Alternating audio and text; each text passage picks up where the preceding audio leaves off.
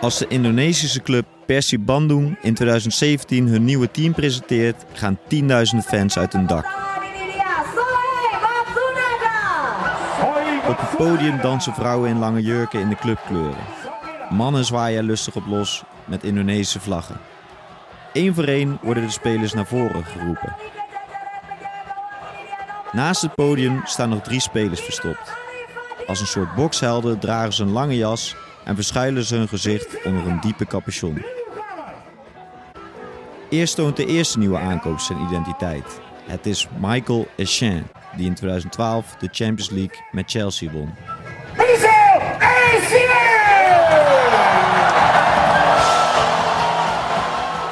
Als tweede rent Engels international Carlton Cole het podium op.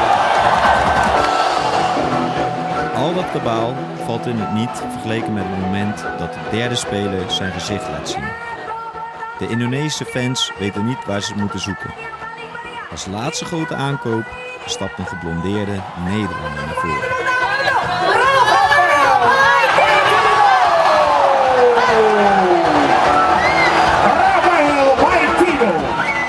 Ik had zo'n lange jas aan en met een capuchon op mijn hoofd dat niemand nog zag. Dus ik moest zeg maar naar voren lopen, een beetje rennen en dan ineens mijn jas uitdoen. En het moment dat ik dat deed, ja, iedereen werd helemaal gek.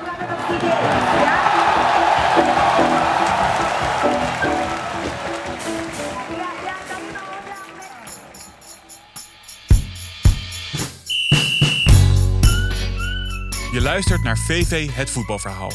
In deze serie neemt een topteam van vertellers je mee in de wonderlijke wereld van het voetbal. Die is namelijk groter dan de eindeloze stroom aan roddels, relletjes en primeurs. In deze aflevering spreekt Dave Albers met Rafael Maitimo, die via omwegen zijn voetbaldroom alsnog waarmaakte. Hoe kon een onbekende Rotterdammer uitgroeien tot een halfgod in Indonesië?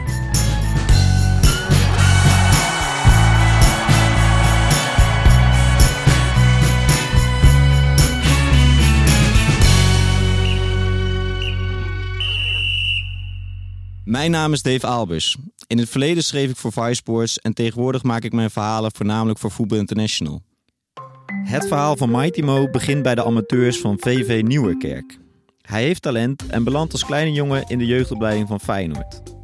Daar speelt hij een aantal jaar in een elftal met Robin van Persie. Waarvan Persie niet veel later de UEFA Cup met Feyenoord zal winnen, breekt Mighty Mo nooit door in de Kuip. Ik was wel heel gedisciplineerd en ik wilde er wel voor gaan, alleen ik besefte het niet. Besef bij mij ontbrak gewoon. Talent alleen is niet, eh, niet genoeg. Je moet blijven trainen, je moet blijven oefenen. En eh, die drijf die had hij al eh, ja, altijd vanaf jongs af aan. Hij belandt via NAC bij FC Dordrecht. Daar komt hij op een punt dat hij denkt dat het misschien wel beter is om het voetbal achter zich te laten. Ik ga mijn studie afronden van het daaruit. Ik ben eigenlijk een beetje klaar mee.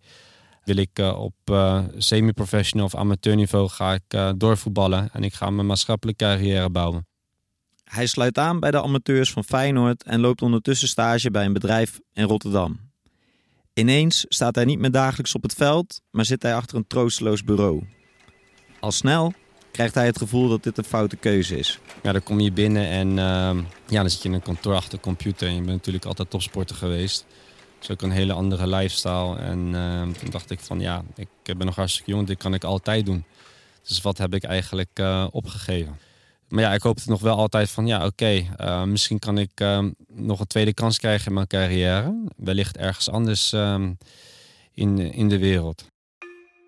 Hij denkt aan Jan Guskens, met wie hij bij Feyenoord heeft samengewerkt. Via zijn broer, die sportmarketeer is, krijgt hij de optie om naar China te gaan. Dus ik dacht van, hé, hey, China, dat is echt eh, de andere kant van de wereld. En eh, ik was wel heel geïnteresseerd. En ik dacht, ja, misschien is dit de tweede kans in mijn voetbalcarrière. Waarom niet? Mighty Mo stapt een paar dagen later in het vliegtuig richting het Verre Oosten. Om te gaan voetballen bij de club BIT FC. Alles is anders. Denkwijze, uh, normen en waarden. Gewoon keihard werken. Soms een beetje tot extreme toe. Dat is natuurlijk ook niet goed. Maar daar heb ik wel ontzettend veel van geleerd. En juist dat uh, mentale wat ik uh, miste in Nederland, heeft mij dat wel meer gevormd als mens zijde. Wat ik ook echt ja, veel van heb geleerd om, om je mentaliteit, als dat goed zit als topsporter, dat je daar zoveel mee kan winnen. Na twee jaar in China wordt Mighty Mo ineens benaderd door de Indonesische voetbalbond. Ze zijn op zoek naar nieuwe spelers met een Indonesische achtergrond om het nationale team te versterken. Nou, ik heb natuurlijk uh, Indonesische achtergrond. En uh, zodoende hebben ze met mij contact opgezocht en hebben ze voorgesteld om, uh, ja, of het mij wat lijkt om Indonesië te gaan voetballen en om voor het nationale elftal uit te komen. Ik zeg van, hé, hey, hoe kan dat nou? Hè? En wat, ja, wat, wat gebeurt hier allemaal? Ja, natuurlijk had ik interesse. Maar ja, ik dacht wel van, hé, hey, ze zijn wel echt voetbalgek. En het was ook mijn eerste keer dat ik naar Indonesië was gegaan. Hè, terug naar mijn roots ook een beetje. Dat was, uh, was een dubbel gevoel. Mighty Mo kijkt er dus erg naar uit om het shirt van Indonesië te dragen. Maar komt er ook direct achter hoe lang het kan duren voordat zoiets in Azië wordt geregeld. Ik had nog helemaal geen uh, uh, geregistreerd bij de FIFA om uit te mogen komen voor het Indonesische elftal. Dus ik kon helemaal niet spelen. Het is een traag proces voordat ze hem speelgerechtig krijgen bij de FIFA. Daarom besluit hij om ondertussen bij een Indonesische club aan te sluiten. Zijn eerste club in 2011 is Bali Devata FC. De lifestyle, je gaat trainen en dan um, ga je lunchen in een, in een restaurant of een cafeetje wat, uh, wat aan het strand ligt. Ja, dan besef je van hé, hey, dit is wel uh, heel mooi om mee te maken. Want wanneer kun je nou naar het strand gaan in Nederland? Nou, dat is misschien op één hand te tellen. Dus uh, dan heb je wel besef van hé, hey, hier moet ik wel echt van, van genieten. En ja, keihard werken om dit zo lang mogelijk vol te kunnen houden. Mighty presteert goed als voetballer en geniet van de good life. Maar dan wordt uit het niets de gehele Indonesische competitie stopgezet vanwege een politiek conflict. Ja, er waren politieke problemen tussen bepaalde partijen en uh, dat had dan direct invloed op het voetbal. Dus dat was heel jammer. Dan uh, ben je wel Bali. Dat is uh, hartstikke leuk en eh, aardig allemaal. Maar ja, je bent natuurlijk prof en je bent daar om te werken. En ja, als er geen leak is, ja, wat ga je doen? Mighty Mo is van de ene op de andere dag werkloos en keert terug naar Nederland. Dat was echt, uh, echt moeilijk. Van, ja, dit, je, je, komt ook tot besef, het kan zomaar afgelopen zijn. En zo wil je natuurlijk ook niet eindigen. Het lijkt voorbij. Om zichzelf toch fit te houden sluit hij aan bij de amateurclub VV Capelle. Maar hij vreest dat dit toch echt het einde van zijn loopbaan is. Maar dan komt er ineens interesse van de Indonesische club Mitra Kukar. Deze club ligt midden in de jungle in Kalimantan. Hij twijfelt geen seconde en besluit deze kans te grijpen. Soms zie je bij die rivieren dat je een krokodil ziet liggen of wat dan ook, maar niet dat het gevaarlijk is, want dan ben je natuurlijk ver vandaan. je hebt ook een uh, Bukit Suharto, dus dat is echt een, een weg, uh, wat een hele uh, lange heuvel is. Ja, en dan rij je gewoon echt dwars door de jungle en er gebeuren ook ontzettend veel ongelukken. Ja, wat daar allemaal uh, leeft, ja, dat, ja, dat, daar zal, het zal een goed programma zijn voor Discovery Channel. Absoluut. In Kalimantan lijkt het alsof de tijd 30 jaar heeft stilgestaan.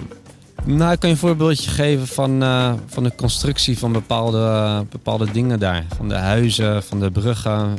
Het gebied bestaat voornamelijk uit woeste natuur en veel toeristen slaan dit nog vrij primitieve deel van Indonesië over. De infrastructuur laat de wensen over. We moesten iedere keer met de ferry moesten we een grote rivier over om, om naar het stadion te gaan. Maar precies toen ik daar kwam, twee weken geleden, toen die jongens uh, moesten trainen, die gingen ook vaak met de bus over een, uh, over een hele grote brug, brug over de rivier. En zodra ze de brug over waren, tien minuten later, was die brug ingestort. Dus dat was wel heel even schrikken. Ja, daar ben ik nou terecht gekomen.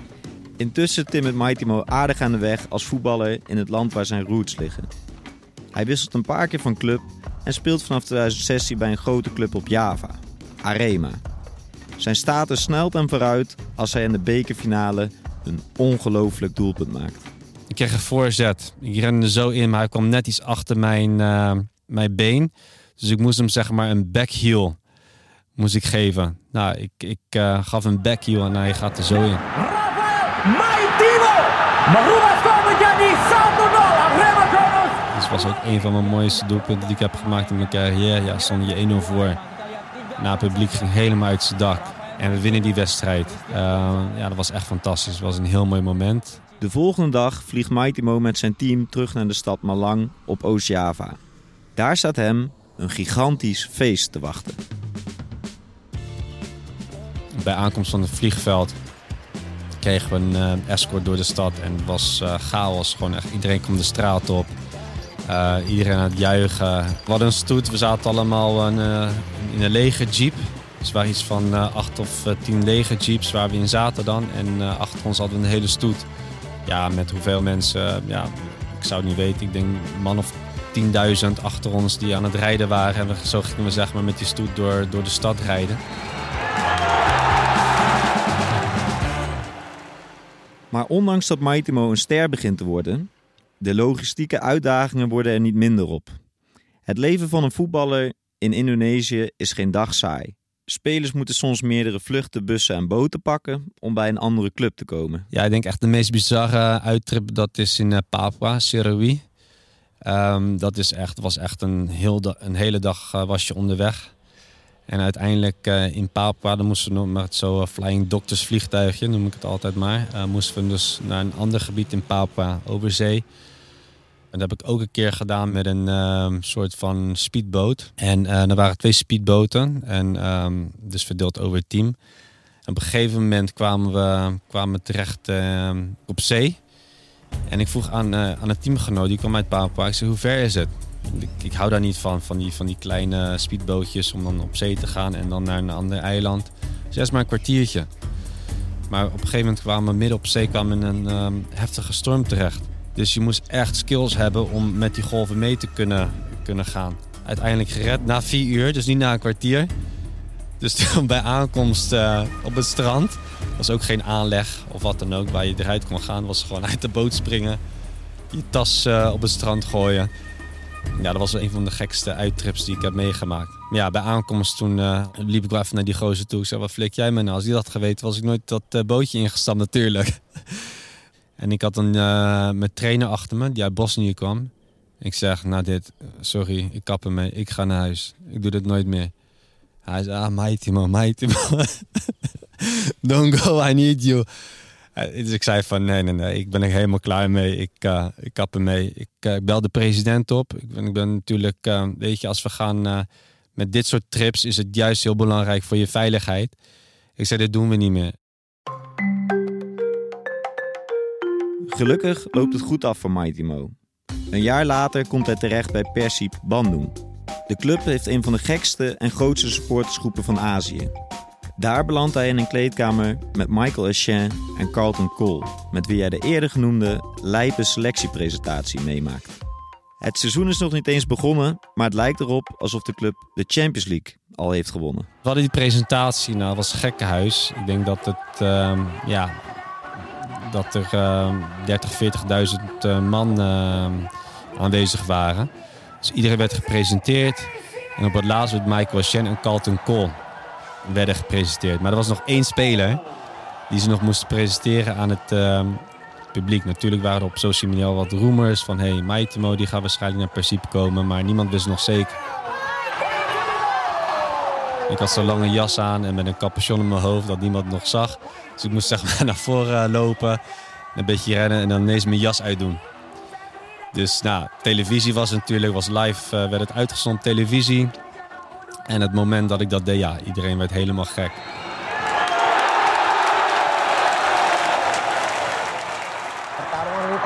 Oh, iya oh.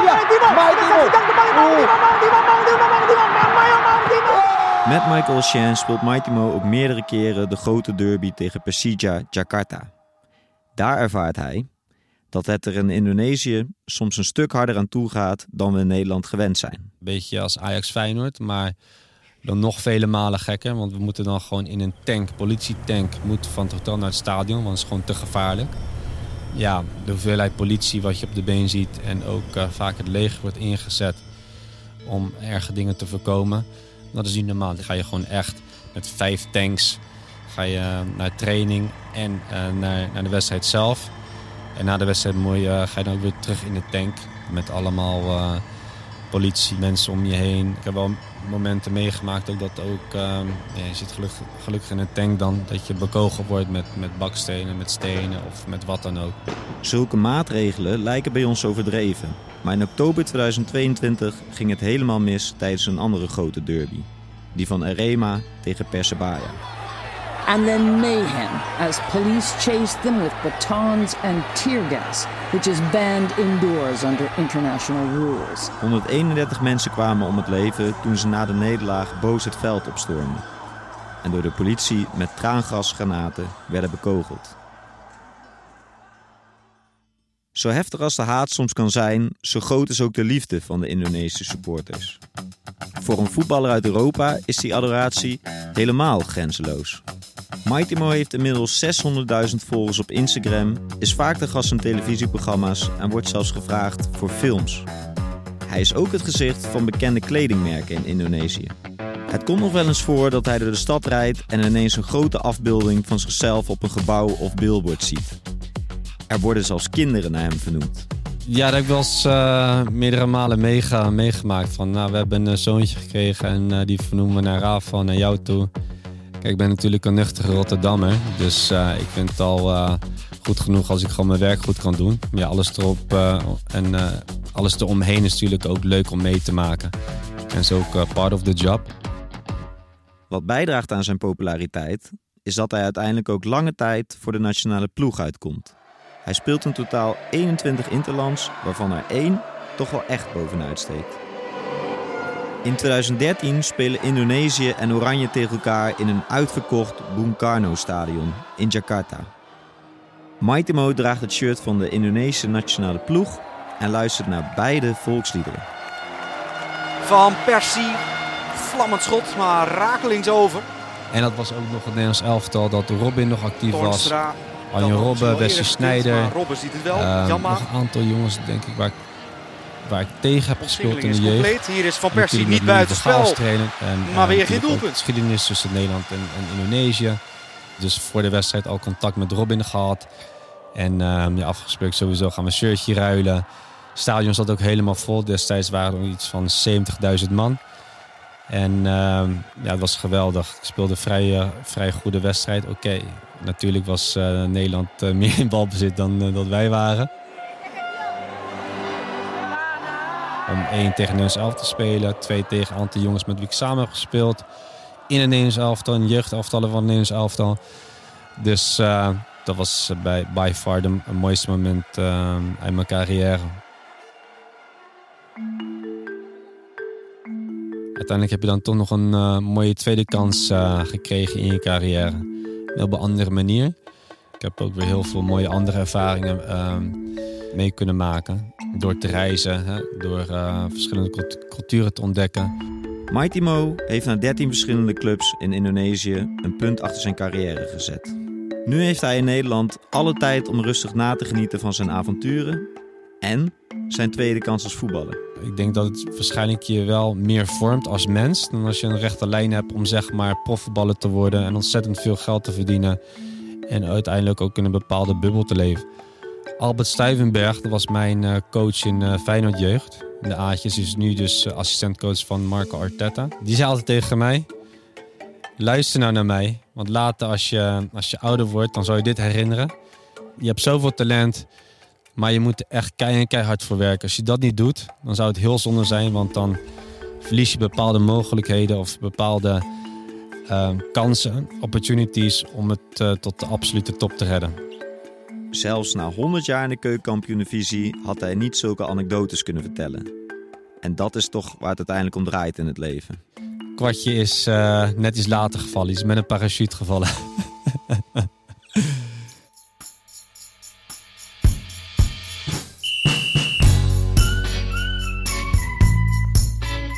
VV Het Voetbalverhaal is een podcast van Dag en Nacht Media en Podimo. Mijn naam is Jan Bavink. Dit verhaal werd geschreven en verteld door Dave Albers. Sounddesign en muziek door Bas van Win en Jeroen Jaspers. Volgende week weer een nieuwe aflevering in je favoriete podcast-app.